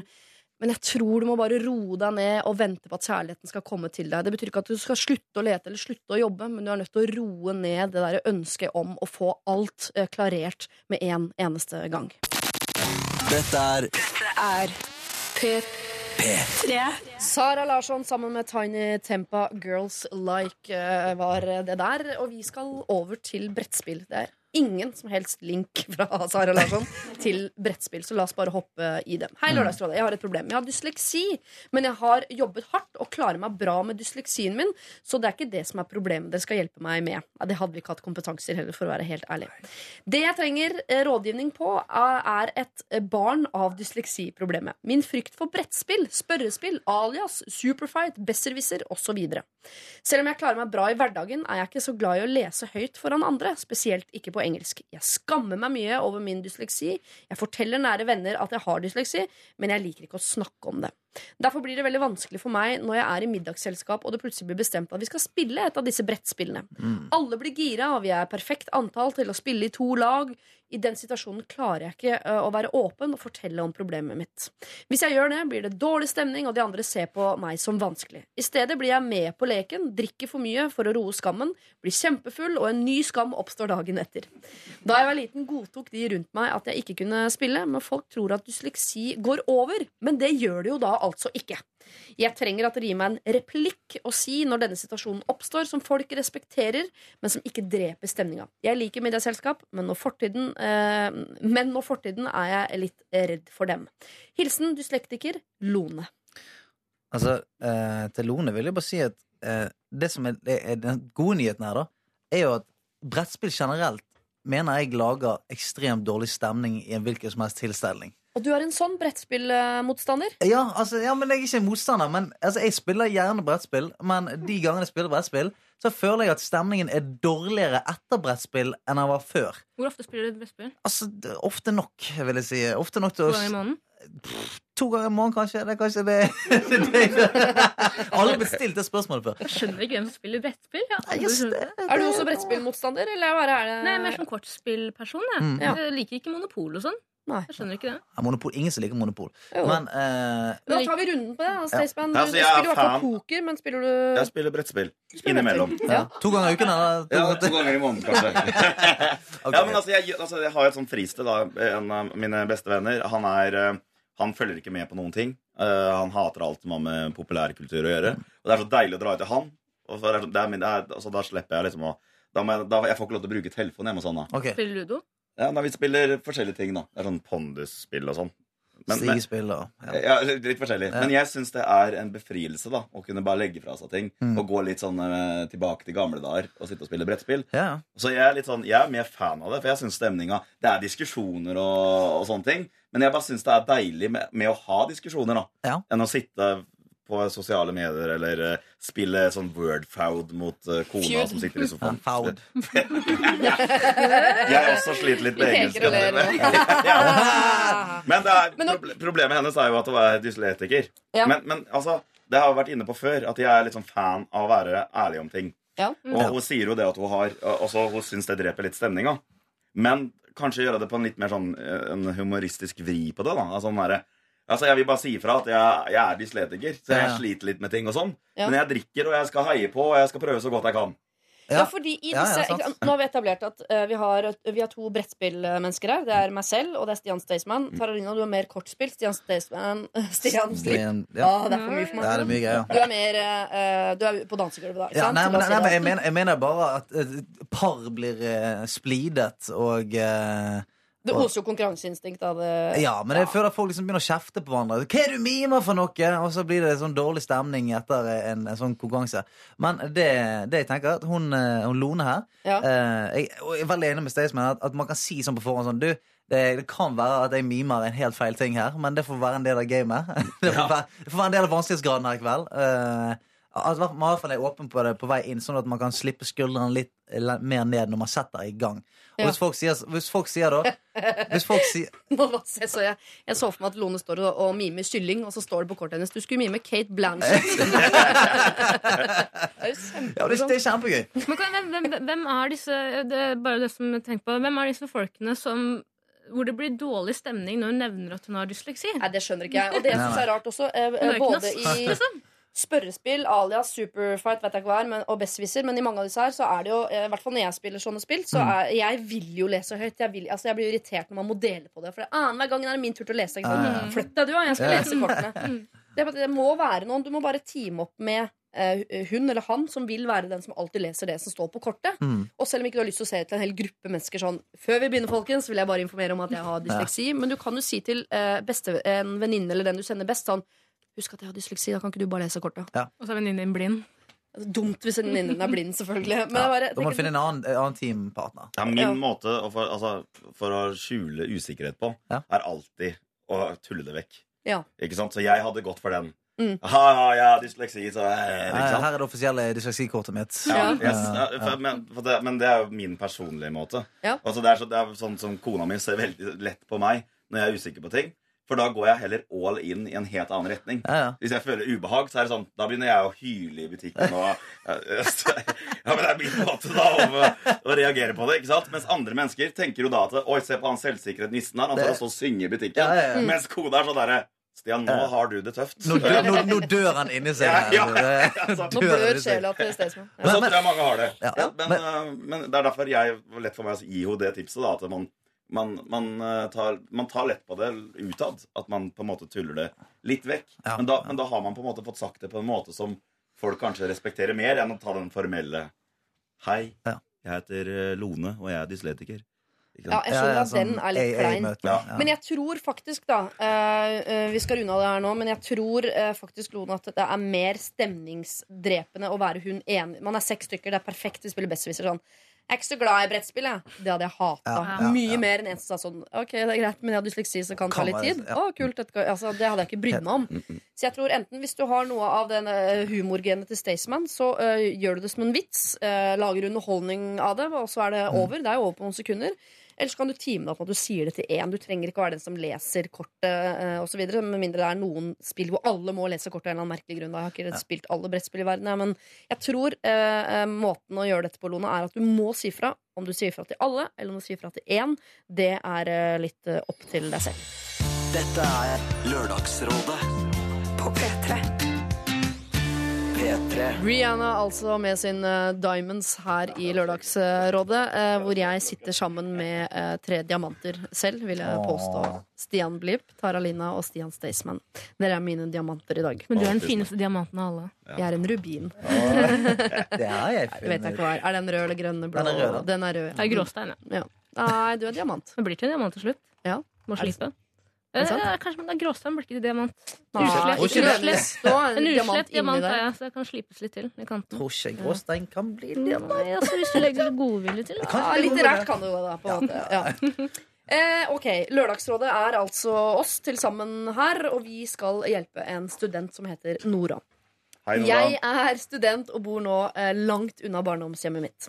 For et par dager siden eh, catchet jeg og min søster eh, opp, der hun fortalte meg noe som jeg, jeg har tenkt veldig mye på siden. Hun fortalte nemlig at faren vår har sagt til henne at han syns at jeg er litt løs og burde roe meg ned. Denne beskjeden kom som et slag i mitt tryne, men jeg prøvde å gjøre narr av det. Som jeg gjør med det meste om meg selv. Men i går kveld snudde det seg helt. Jeg kan ikke huske sist jeg gråt så mye. Tanken på at mitt største forbilde går rundt og kaller meg løs bak ryggen min, knuser hjertet mitt. Jeg føler meg skuffet over han, samtidig føler jeg at jeg skuffer familien min hvis jeg har det inntrykket av meg. Samtidig er det jo en del av meg som blir sint over at han kan si noe sånt om meg, og lurer på om dette er noe jeg skal ta opp med han. Skal jeg gjøre det, eller skal jeg bare la han tro at jeg er en løs hore? Hvordan gjør jeg dette på en måte som ikke ødelegger tilliten til min personlige superhelt? Tusen takk for all hjelp. Hilsen knust datter Nora. Jeg skal si fra at hun, hun er 21 år, eh, glad i festing mer enn folk flest. Uh, og hun har fortalt foreldrene sine om alle hun ligger med. Hun har en, et sånt forhold til foreldrene sine. Mm. I hvert fall den veien, fra henne og opp. Så hun har fortalt uh, om Hun har nevnt i hvert fall fem stykker hun har hatt sex med. To av dem har vært kjærester. Gjør det. Er det dumt å si til foreldrene sine hvem man ligger med? jeg skjønner Ja. ikke jeg skjønner ikke den. Jeg skjønner at man har et godt forhold til foreldrene sine og er ærlig, og sånn, men jeg har aldri skjønt den der sexdelen. Nei. Aldri, aldri, Det har ikke falt meg inn engang. Kanskje fordi foreldrene mine er muslimer, men liksom hvor, Hvorfor det? Hva får man ut av det? Jeg har fått mye ut av det. Er du også som sier det til foreldrene dine? Nei, altså Jeg har vært borti situasjoner i livet mitt hvor jeg liksom har snakket med Altså Jeg har veldig god dialog med mamma. da Ja. uh, Enten hun vil eller ikke. liksom Jeg har bare kasta ut masse info som jeg ikke sikkert hun vil vite om. Men hun har alltid tatt imot det jeg har sagt, da ikke sant? og respektert ting. Og, det- altså, jeg så kanskje ikke verdien av det før jeg brått kom opp i en situasjon som var litt tøff. Ja. Mm. Eh, hvor jeg hadde eh, gjort noen gravide. da og, Noen? Nei, en, Hvor mange? En, en, en. Ja, men I min ungdom, da. ikke sant? Ja, ja, ja. Og da, sånne ting som kan skje. Og, og da var det faktisk ufattelig digg å kunne kaste ball med noen som sto deg nært. Mm. Ja, det kanskje sant. Og, og, og, det, det, og det tror jeg ikke. Hadde ikke vært for at jeg tok den dialogen i ung alder, så tror jeg det hadde vært vanskeligere å snakke med mora mi om det. enn- Men, så, men det var en annen sak enn det her, da. Ja, men, Ja, men- ja. Men jeg tror man eh, Jeg tror som eh, Jeg vet ikke om det om man skal egentlig være litt kjønnsnøytral på det, men jeg ville heller snakket med mor om det enn far. Ja. Ja. Jeg faktisk skal man skåne eh, far litt grann for at, Fordi pappa eh, har at du det driver og ligger med folk. Det vil ikke pappa vite. Nei, nei, altså pappa vil ikke vite det i det hele tatt. Jeg, altså, jeg vet jo, jeg, jeg er ikke far, men jeg er jo storbror til uh, to søs, uh, søstre. Hun ene er 22, og hun andre er 17. Så jeg er jo sånn jeg, hadde, jeg, bodd hjemme i Bergen, så hadde jeg stått på døren med balltre eh, og helsetrøye hele tiden og skremt unna beilere. Så eh, jeg tror ikke Hadde jeg vært far, så hadde jeg i hvert fall ikke hatt lyst til å vite det. Men, men det unnskylder heller ikke faren. For Han skal jo ikke gå rundt og si at datteren sin er løs. Eh, Det syns jeg ikke er på sin plass. Men skål, nå pappa for dette sexpratet, da. Men har pappa sagt dette her kanskje til storesøster for at han vil at storesøster skal formidle dette videre til løse-Nora? Er det det hun heter? Eh, nå gjør hun det. Før het hun bare Nora. Men Jeg mener ikke, jeg mener ikke at Nora er løs, men bare men, uh, pappas, ja, det kan jo ha vært et hint Ja. fra faren som han har gjort i beste mening, kanskje. Og så vil, han- vil han ikke si det selv. Så han, kan ikke du bare ta det opp med henne? Mm. Og så har han brukt ordet løs. Men så har han kanskje ikke tenkt at hun ville formidle det så direkte. Nei, sant? Men jeg skjønner at han syns det også, ikke fordi at det er mye uh, at han vet om at hun har ligget med fem stykker, men når alle uh, pappaene han har som kompiser eh, tror at døtrene deres har ligget med null, så er jo fem ganske mye mer enn null. Så i hans øyne så vil han si at hun er mye løsere enn de andre jentene i, i kompisgjengen. For hun ligger med fem flere enn døtrene til Knut og Pål og Einar og alle de andre i kompisgjengen. Men er ikke pappa bare redd for at Nora skal bli preggers? Vet ikke hva han er redd Alle pappaer er redd for at døtrene dine skal ligge over hodet. Ja, jeg, tror, jeg tror ikke de har lyst til at datteren jeg tror dat, De vil egentlig at døtrene sine skal være inne i sånn eh, glasskabinett eh, fram til de er 27, Ja. eh, og ikke gjøre noe slemt. Men eh, eh, jeg Nei, jeg syns man kanskje ikke skal si sånn eh, 'Hvor var du i går?' 'Jeg lå med noen dudes i går.' Jeg var midt i en sånn der eh, skinn eh, Ja, fordi hun må ha tatt opp. Hun må jo ha tatt opp. Ja, Eller altså- kanskje hun har snakket om det rundt middag. Sånn, ja, faen, altså, jeg lå med en fyr Og så vet du at pappa sitter og tenker Jævla hore. Ja. Har han Oi. tenkt. Det er kanskje ikke hore, men uh, Nora Jo. dør løs. Ja. Men altså, jeg syns jo det er litt feil å misbruke den tilliten man da får av sin datter. Fordi at hun tør å ta det opp med pappaen sin. Mm. Ja. Og som vi snakket om i stad, ikke sant, Det er deilig å ha noen å kaste ball med hvis det er noe man faktisk trenger hjelp til. Ja. Og da er det jo gøy, og da er det jo fint å kunne snakke om sex. Enig. Enig. Og, og jeg syns jo eh, at pappaen kaller henne løs når hun prøver, og når hun faktisk er såpass ærlig på det, det syns jeg er dårlig gjort. Ja. Ja. Men det, er- det er jo helt annet å si at eh, jeg syns du skal roe det litt ned nå. Du kan jo pakke det inn litt finere. Ja, roe litt ned på de guttene og den festinga. Han vil jo bare hennes beste. Han Ja. ønsker jo at hun skal etablere Han, vil, han elsker henne jo og vil jo bare eh, at hun at- skal ha det bra, men jeg Han skal det ikke være dømmende. Det er det som det går på. Jeg, det synes jeg, Da går det over streken at hvis han begynner å være dømmende overfor dattera si. Men jeg tror, jeg, tror, jeg tror det handler litt om sjargong her òg. Jeg er veldig enig i at altså, Hvis du sier sånn 'Pappa, du, jeg må spørre deg om en ting. Du, har gjort dette her, og jeg hadde sex med en fyr, og jeg vet ikke, og jeg tror kanskje ditt og datt. Da er det denne tillits... eh, Da, er det sånn tillitssjargong inne i bildet. Men hvis du sitter på middagsbordet sånn 'Å, fy faen, jeg er så sliten. Jeg lå med tre dudes i går. Det var bare faen meg full fest.' Så er det sånn at du har etablert en sånn, sånn sjargong eh, som, som er annerledes enn det tillitsgreiene. Ja, Uh, det, det er er kanskje- stor forskjell, altså. Sjargongen har blitt etablert allerede. Hvis det er sånn Ja, ja, ja, At du sitter på middagsbordet Å, herregud, jeg lå med vinneren av Paradise og noe greier i går, liksom. Hvis det er sjargongen, Da så skjønner jeg at si da får du lov til å bruke det. Ja. For da tror kanskje han at det er sånn Å, herregud, er jeg med på sjargongen nå? Shit, altså, dattera mi er løs, liksom. Men trigger ikke dette egentlig bare Nora til å vil Jeg vil jo tro at det trigger noe rebelsk i henne som gjør at hun vil ligge mer. Ja, det kan godt hende. Hvis hun har noe Men hun må jo få lov til det. Ja. Eh, kjære Nora, eh, du må få lov til å ligge med de du vil ligge med. Du trenger ikke å si det til pappa hver gang, selv om det er fint å ha tillit eh, med foreldrene sine. Så i hvert fall eh, pass litt på sjargongen. Om du skal ta opp dette med pappa, eh, det rakk vi vel aldri helt å snakke om, eh, men jeg syns jeg aner et nei der, altså. Eh, jeg tror ikke dette er noe du og pappaen hennes trenger å snakke om. Han mener ikke at du er løs hore, på en måte. Han vil bare ditt beste, det blir litt mye for han å høre om eh, dine eskapader der eh, ute. Så ta og ro litt ned på delinga. eh, og la denne her bare gli forbi, rett og slett. Til deg som har hørt på Lørdagsrådet siden ni i dag morges, så har du nå også blitt presentert for de tre Urørt-finalistene i dag. Dette var sistemann ut, Ida Stein med låta Are We Changing, som altså kan vinne senere i eh, kveld. Eh, nå dere skal vi treffe en som heter Dag her i Lørdagsrådet, som lurer på. Jeg har et stort problem som handler om hvordan bryllupet til meg og kjæresten skal bli. Vi vil jo holde sammen resten av livet, men dette er et vanskelig tema, for her blir det bare krangling. Vi finner ingen løsning. Dette kan ende med at vi aldri blir gift, og forholdet kan bli ødelagt. Problemet er alkohol i bryllupet. Jeg kommer fra en veldig kristen familie der mor, far og søsken er veldig imot alkohol. Pappa har jobbet på Blå Kors og sett den verste siden av det, og mamma hater det. Derfor sier jeg at dersom vi skal ha et bryllup, så kan vi ikke ha alkohol. Jeg ønsker jo at familien min skal føle seg komfortable og ikke ha det vondt på dagen vår. Og siden jeg kjenner dem så godt og vet hvor slitsomt de syns det er, kommer jeg til å ha det veldig kjipt, og det eh, vil jeg ikke på en slik dag. Kristine, som er kjæresten min, kommer fra en helt annen familie, der alkohol er sentralt og et must i bryllup. Hun kan ikke tenke seg et bryllup uten alkohol, for det skal være en gigantisk fest med masse venner og familie. Jeg har foreslått flere andre muligheter til bryllupsfeiring, men hun vil kun ha én svær fest. Jeg har foreslått to ulike feiringer, en med min familie og en med hennes, men hun ønsker kun én svær fest. Dette henger over oss hele tiden, vi blir aldri enige, og det skaper usikkerhet i forholdet vårt. Kan dere hjelpe oss med hva vi skal gjøre? Med vennlig hilsen Dag. Dette skal dere få tenke litt på, for Stian Blipp, du er jo ikke gift. Tara Lina, det er ikke du heller, så vidt jeg vet. Det er du, Stian Staysman, men jeg vet ikke om vi kan bruke den giftekompetansen din så innmari. For å gifte seg på senkveld, det er det ikke så mange som har muligheten til. Hvordan skal disse to kunne gifte seg? Jeg syns, jeg syns denne var vanskelig. Ja, men Da trenger jo ikke du å begynne, vet du. Nei, jeg ville bare, jeg vil bare si det. Jeg bare, Altså, men, altså, første jeg tenkte på, var å foreslå at de skulle ha to separate fester. Og det Ja. har jo blitt nevnt i det kommer fram i mailen. Ja. Uh, I problemstillinga. Uh, man kan ha Nei, når vi, vi har planlagt Jeg fridde jo til kjæresten min, da. Så vi var jo innom tanken på å ha et bryllup en gang. Det håper jeg. Men da var faktisk eh, et av forslagene var at vi skulle ha en eh, familietilstelning. Og Mm. så skulle vi ha en separat eh, fest for venner og kjente. Kjempelurt. Smart, det der. Det kan jo være løsninga.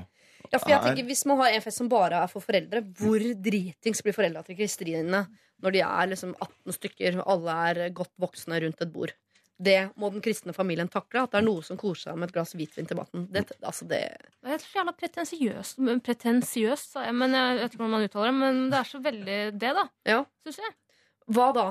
At man å, nei, jeg drikker ikke, og jeg tåler ikke å være i nærheten av andre som drikker. Altså, kan man ikke da Jeg regner ikke med at disse foreldrene kommer til å holde på hele natta heller. Jeg regner med at de kommer til å dra hjem på et tidspunkt. Kan man ikke da åpne en fri bar med en gang de går ut døra? Ja.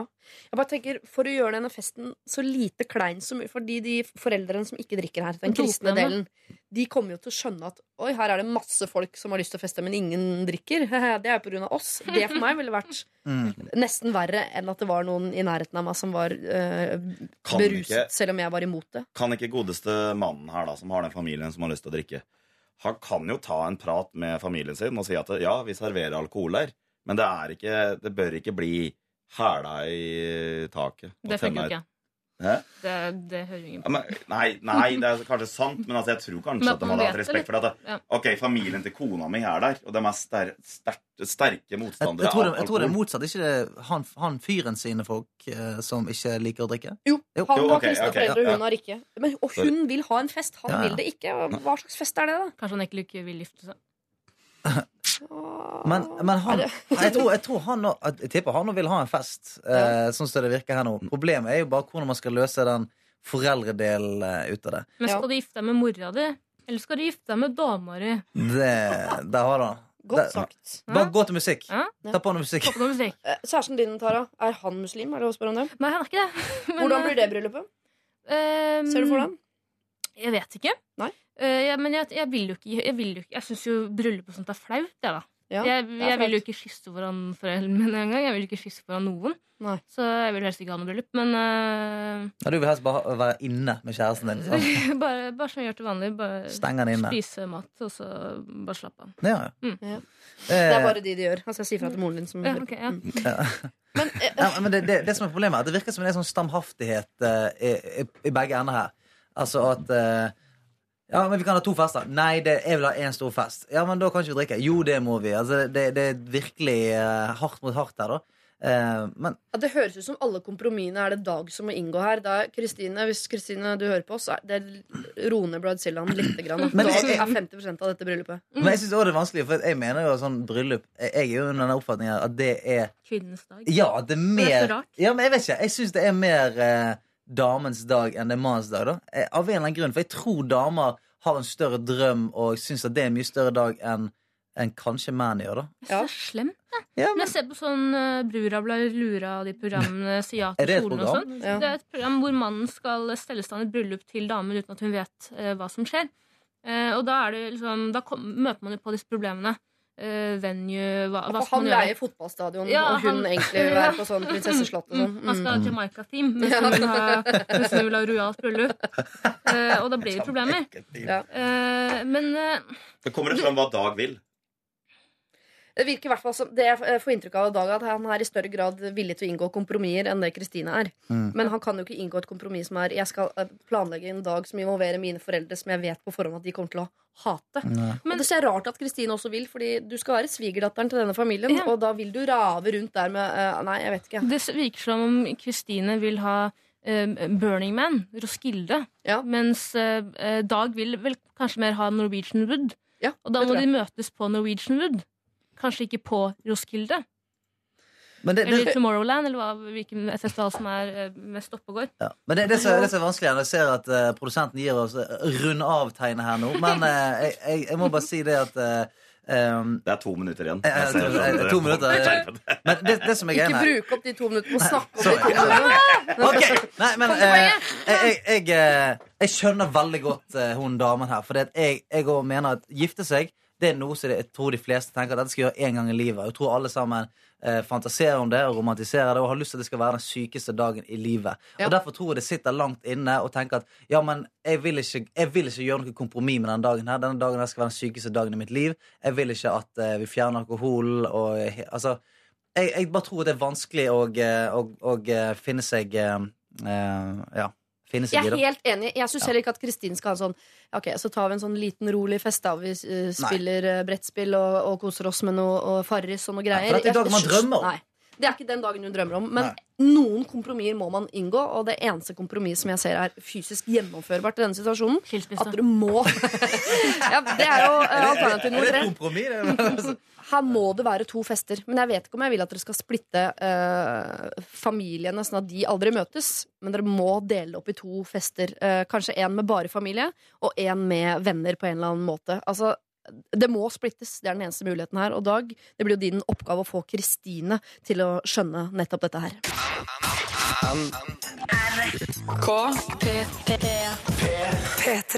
Pillow Talk. Dette her var uh, Sane, som jo har brytt ut av eh, gruppa One Direction. Når skal vi slutte å si det?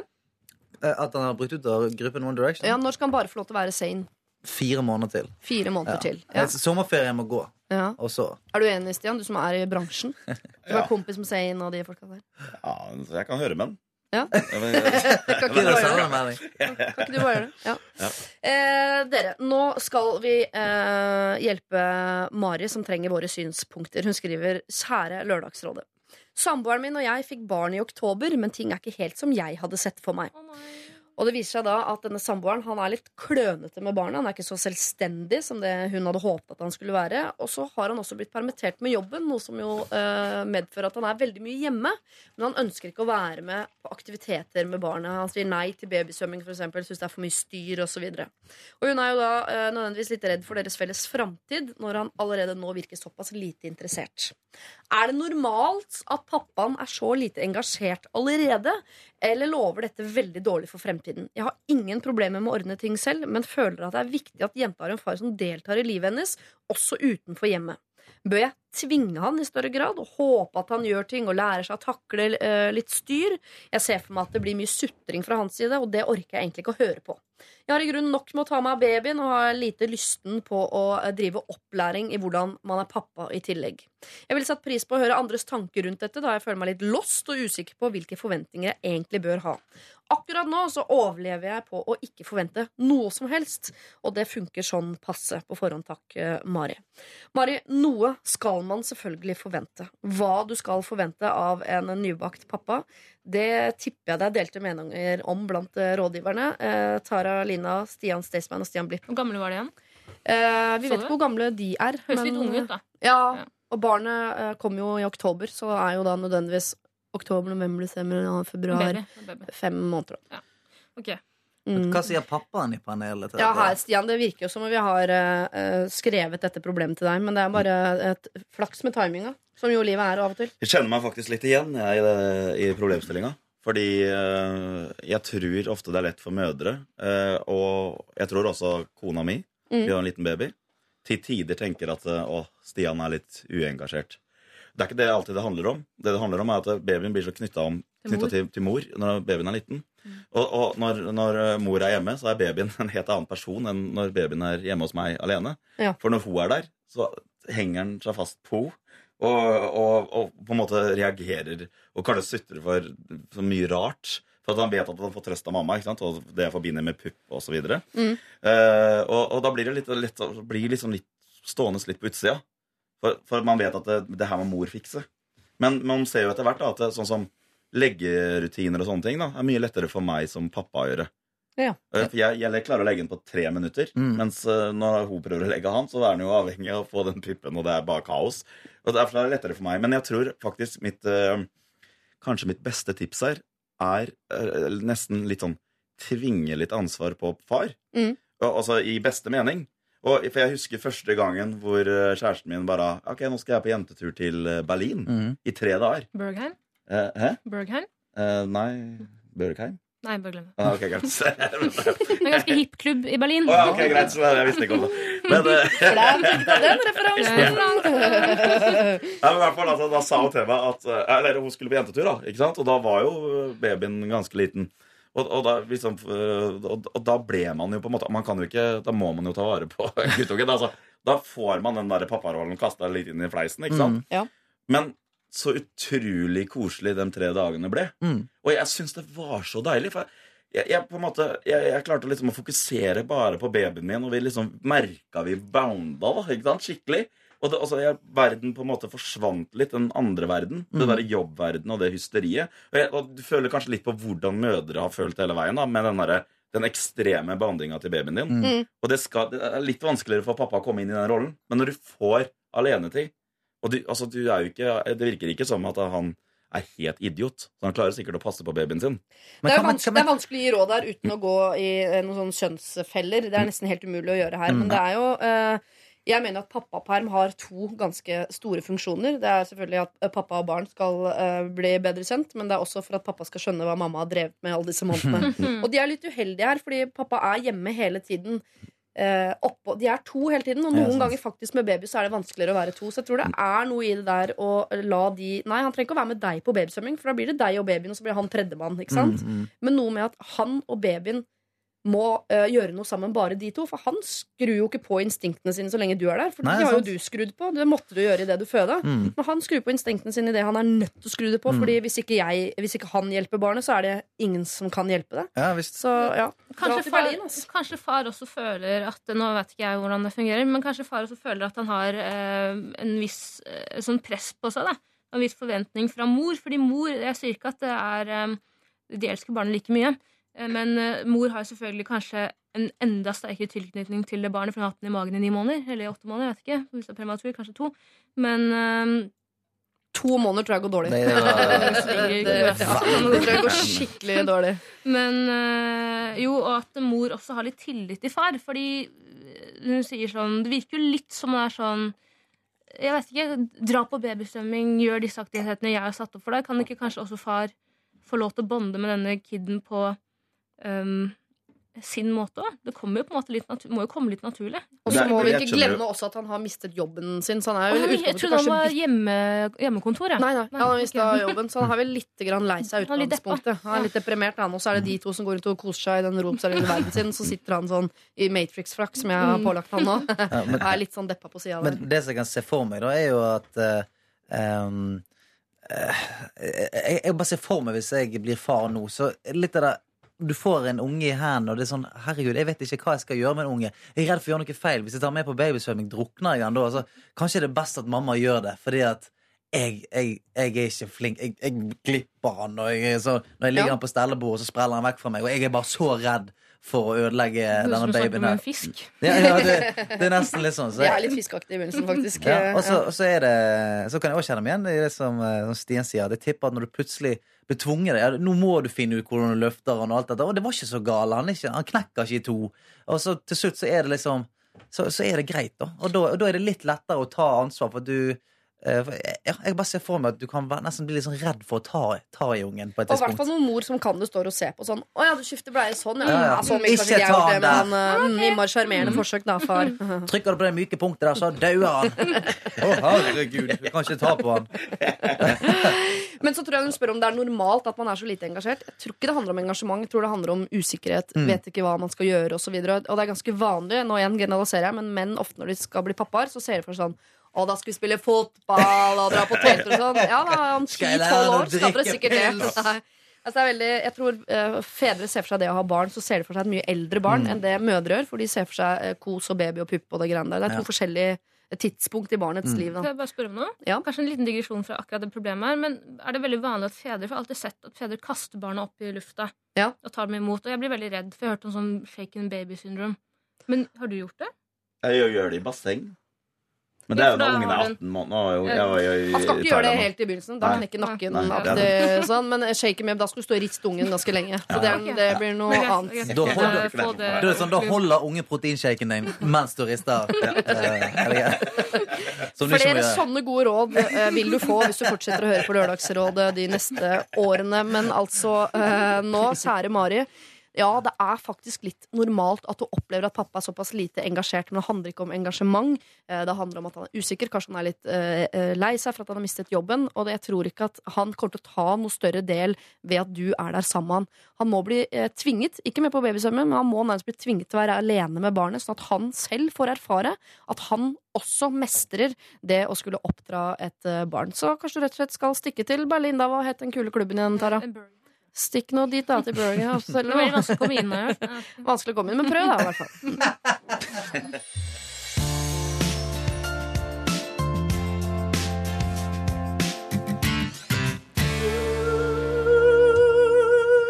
Dette var i mange år min familie nummer to, Superfamily, altså fra uh, Moss. The radio has expressed concerns about what she did last eh, night. Og før det, uh, favorittlåta til Tara Lina, tror jeg. Formation, Beyoncé. Veldig bra. veldig bra Veldig, bra. Er du uh, Beyoncé-fan?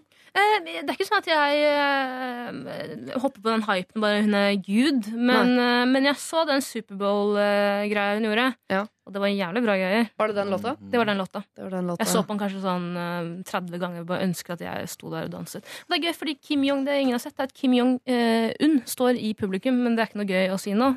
Men, Men, ta en titt på det Er han like flink til å danse som Krompen og Mette-Marit og sånn når de står i publikum og danser til popmusikk, eller? Ja, kanskje. ja, Cirka på linje. Ok, dere. Eh, Tara Lina, du er rødgiver sammen med Stian Staysman og Stian Blipp. Og nå skal vi inn i et eh, skjeggeproblem. Endelig. Som to jo av fire her i dette rommet uh, har selv. Dette problemet. Kan jeg, altså gjette, kan jeg bare gjette hva det er? Hm? Kan jeg gjette hva det er? Ja. Er det noe, noe oralt og noe med skjegg? Mm, Både ja- både ja og nei. Ja, på mange måter. Nei, det er skjegg, eh, oralt skjegg, ja. Kjære Lars Rumpeskjegg. Typen min og jeg har vært i lag i snart syv år og har det generelt veldig bra. Det siste året har jeg fått et problem. Han har nemlig fått seg skjegg. Ikke et sånn stort hipsterskjegg, men et velstelt og kort skjegg.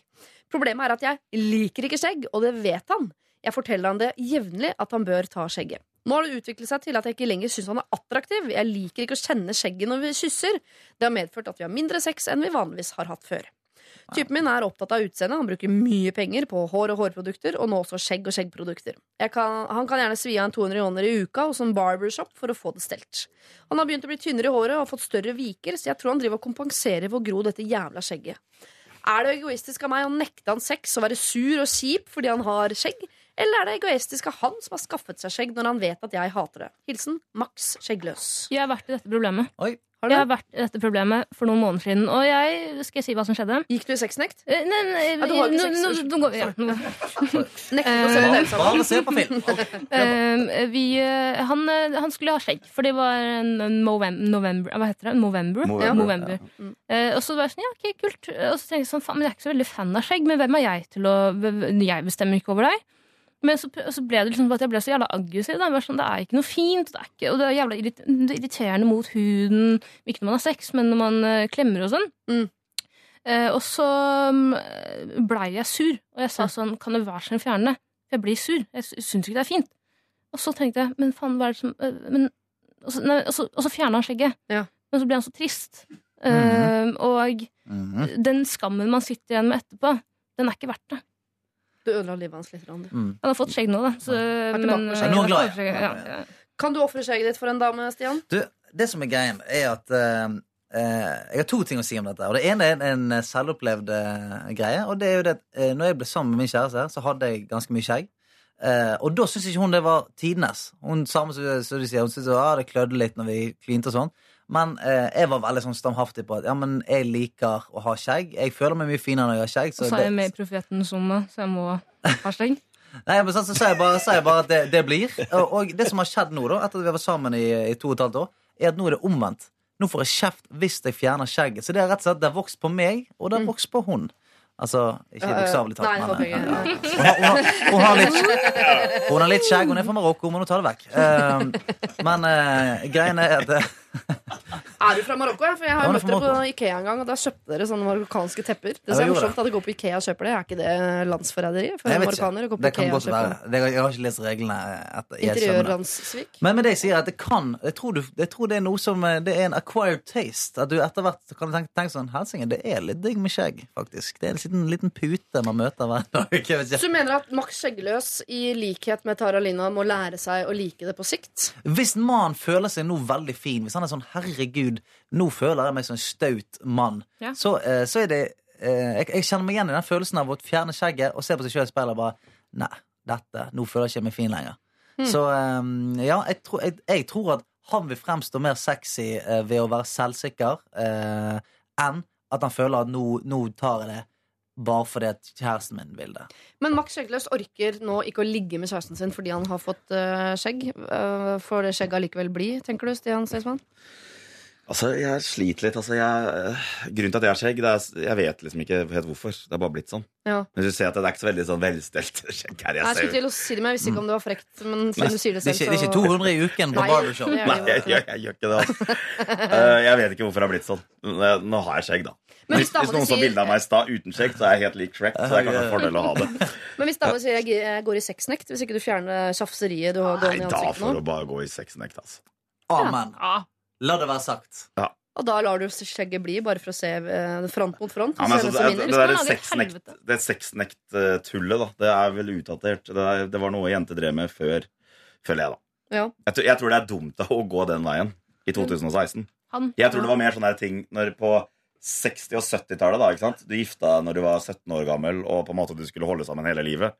Da, ble, altså, da blir den der eh, sexnekt-greia kanskje litt mer effektfull. Men jeg tror ikke den funker så bra i 2016. Eller det er bare meg som Nei, men, men det, jeg syns det er et jævla frekt våpen. For det er ingen menn som bruker det. Nei, nei, da blir ikke noe det Jeg har brukt det. Har du det? Ja, oh, Og det ja, funker så sykt bra. Gjør det, du så er til alle menn som hører på, sexnekt tilbake er helt vanvittig effektfullt. Ja, ja. Generasjonen som sier 'right back at you', på en måte. Ja, ja. Ja. Men Så- det var jo, så- ja. mitt forslag også er at um, han eller hun kan jo Mm. også da, hvis dette er et uh, veldig stort problem, og den andre personen nekter å se det, som jeg også skjønner at den personen nekter å se, så kan man kanskje svare med samme mynt, da, ved å gjøre noe um, ekstremt med sitt eget utseende. Ikke at en, uh, en skjegg, skjeggvekst er ekstremt. Nei, men da blir det på, liksom, på trass igjen. Og det er det men jeg det er litt så sånn gøy, da? ja, men det er det jeg synes det er så teit. Sånn, å ja, du skal ha skjegg som du liker oppri eh, oppriktig. Ja ja, da skal jeg gjøre noe Svastikatatovering. Ja, ja, da skal jeg ta, skal jeg ta svastika-tatovering på haken. Bare for å være jævlig. Og det, det, det med, altså, Hvorfor skal det være sånn? Ok, Det er litt høne og egg, dette her. For at, er, det egoistisk av meg å nekte han sex og være sur når han har skjegg? Eller er det egoistisk av han å skaffe seg skjegg når han vet at jeg eh, hater det? Det egoistisk å Vet nekte. ikke. Eh, ja, det er faktisk mest egoistisk det du driver med. Fordi, og det er ikke egoistisk av han å ha skjegg i sitt fjes. Det er hans ansikt, det er hans skjegg. Og han Det er ikke noe egoistisk over det. Han kan ikke holde på sånn bare fordi du ikke liker det. Jeg tror du, kjære Max Skjeggløs, eh, her er nødt til å lære deg å like det, og ikke begynn med noe barnslig greier. Ikke tatover noe på eh, haka eller gro skjegg selv, eller bare prøv å lære deg å like det over tid, rett og slett. Dette er P3. 21 Pilots Stressed Out var det der, og det er jo uh, hyggelig for meg å vite at uh, dere rådgivere uh, setter pris på musikken vi spiller her i P3. Det er Gjentatte ganger så bryter dere ut 'Å, den er fin! Og den er fin!' That's my tune. Barneselskapsstemning her inne av og til. Det er kjempekoselig. Apropos selskap, dere skal få lov til å gi en presang. Og det er da en kopp, en Lørdagsrådet-kopp, som skal deles ut til den dere mener at fortjener det mest i dag. Enten som har rørt ved deres hjerte eller sjel eller intellekt eller hva det måtte være. Jeg skal gå gjennom kandidatene. Eh, Tine Nei, ikke Tine. Eh, vi har Simon. Simon, som lurer på om han skal tilgi sin eh, mamma, som har lurt han for eh, masse, masse penger etter at han ble blind. Vi har uh, Sondre og gjengen hans som uh, syns det var uh, dårlig lukt på læreren. Altså Hun luktet en blanding av kokosfett og avføring. Skal man si fra om det, da? Stinker av læreren. Oh. Men så har vi Tine, som er drittlei av å være lykkelig med seg selv. Hun ønsker uh, å få seg kjæreste og lurer på hvor liksom, aggressiv hun kan være i jakten på det. Eh, og så har vi Lone, som eh, er eh, redd for å spille brettspill fordi hun har dysleksi og orker ikke at det skal bli et tema hver gang. Nora er litt eh, lei seg, for pappaen hennes har bak hennes rygg sagt til hennes søster at han syns hun har blitt litt løs. Og så har vi da dette eh, paret, Dag og Kristine, som skal gifte seg. Hans familie er kristne og vil ikke ha alkohol i bryllupet. Det vil hennes familie. Så har vi Mari, stakkars, som lurer på om det er normalt at babypappaen er såpass lite engasjert i babyens liv sånn i starten. Og til slutt eh, Max Skjeggeløs, som lurer på om det er han eller typen som er egoistiske når den ene får skjegg, selv om den andre ikke liker, osv. Hvem fortjener en kopp? Si, den blinde mannen Simon. Simon? Ja, det, han er vanskelig. Han er, han er vanskelig når det er en så, så sterk historie. Men jeg òg mener at nå er det på tide at Simon får noe. Mm. Ja. En kopp. En kompensasjon for to millioner tapte kroner. Han har fått pengene, da! Det må Ja, ikke glemme. Han ja, har jo faktisk fått pengene. Det han har mistet, er jo moren og faren Ja. sin. Sin far. Ja. Han har sånn- mistet eh, synet, sin mor, sin far. Mm. Fått to millioner kroner, dame og nå etter hvert leilighet og kanskje en kopp. Kommer litt an på Men kan den koppen erstatte far? Er den fin nok? Han erstatter min far, i hvert fall. Okay, men da Det sier mer om fatter'n enn om koppen også. Ja, men det, det skal sies at det er en jævla bra kopp. Det Ja. skal sies at det er, det er en God å holde i. omsorgsfull kopp. Den, uh... Ja, det er liksom lett å ha Det, det var den problemstillinga i dag som var den vanskeligste. mm. Og jeg følte liksom det var vanskelig og Altså, hele greiene ble liksom too much. I hvert fall ni på morgenen. Det, ble, det, det var en film, liksom. Ja, ja, det så tipper jeg du er ganske engasjert i dette babypappa og engasjert problemet også. Ja. Da følte du deg litt hjemme. Jeg gjorde det. Mm. Men det, det er jo ikke babypappaen som får koppen. Det er jo uh, mammaen som skriver inn. Ikke? Ja, babyen. Nei, det er mamma som skriver, altså. Hun som Ja. får koppen. Og det er litt synd for det. Ja, fortjener ingen kopp. Kanskje de kristne foreldrene kan få koppen, og så kan de drikke vann fra den i bryllupet? Oi. Ja, Mm, Kanskje det. absolutt. Ja. Kan man få en sånn babykopp, da? Sånn der med tut på? Nei, vi tar ikke opp egne kopper bare fordi det passer akkurat da passet, ja. Den har pappaen fått. det. Ja, men da bruker vi merchandise-budsjettet på det. Yes. Ok, ikke det. Nei, Jeg syns Simon skal få den lille koppen. Ja. Simon skal få Ikke den lille koppen, den fine, flotte koppen. Flott, eh, omsorgsfull pappakoppen. At det blir en av de første koppene som flytter inn i den nye leiligheten som han og kjæresten eh, jo etter hvert skal kjøpe, hvis ikke de har kjøpt allerede. Jep. Eh, nå som de har fått pengene som far brukte på bil, osv. Jeg blir ikke ferdig med den saken her, Nei, det er sykt. Nei. Hva slags bil? Nei, det så kanskje ikke. Har du noe å si? Å, har kjøpt den bilen, ja. Men da ser jeg jo Jeg, jeg, jeg skjønner. Jeg skjønner det. Justere elbil nå som det er Miljøpartiet De Grønne. Ja. Kjøpte elbil i går, ja. Ok, la oss eh, la det ligge. Nissan Leaf. Mm. Er vi ferdig med det, eller? Yes. Jeg vil ha BMW i3. Men, Den er god. ja, okay. men dere, det var veldig hyggelig at dere ville være rådgivere her i dag. Jeg håper dere vil komme tilbake, alle tre. eh, Enten sammen eller hver for dere. Det er samme for meg, egentlig. Mm. Det finner vi ut av senere. Men koppen går altså til Simon, som ikke skal tilgi sin mamma, eh, men som kanskje må bare lære seg å leve med det på sikt. sikt. Vi skal høre The 1975s med The Sound, og med det så ønsker jeg dere en fortreffelig lørdag videre, alle tre. God lørdag! God lørdag. Dette er Lørdagsrådet på P3. P3.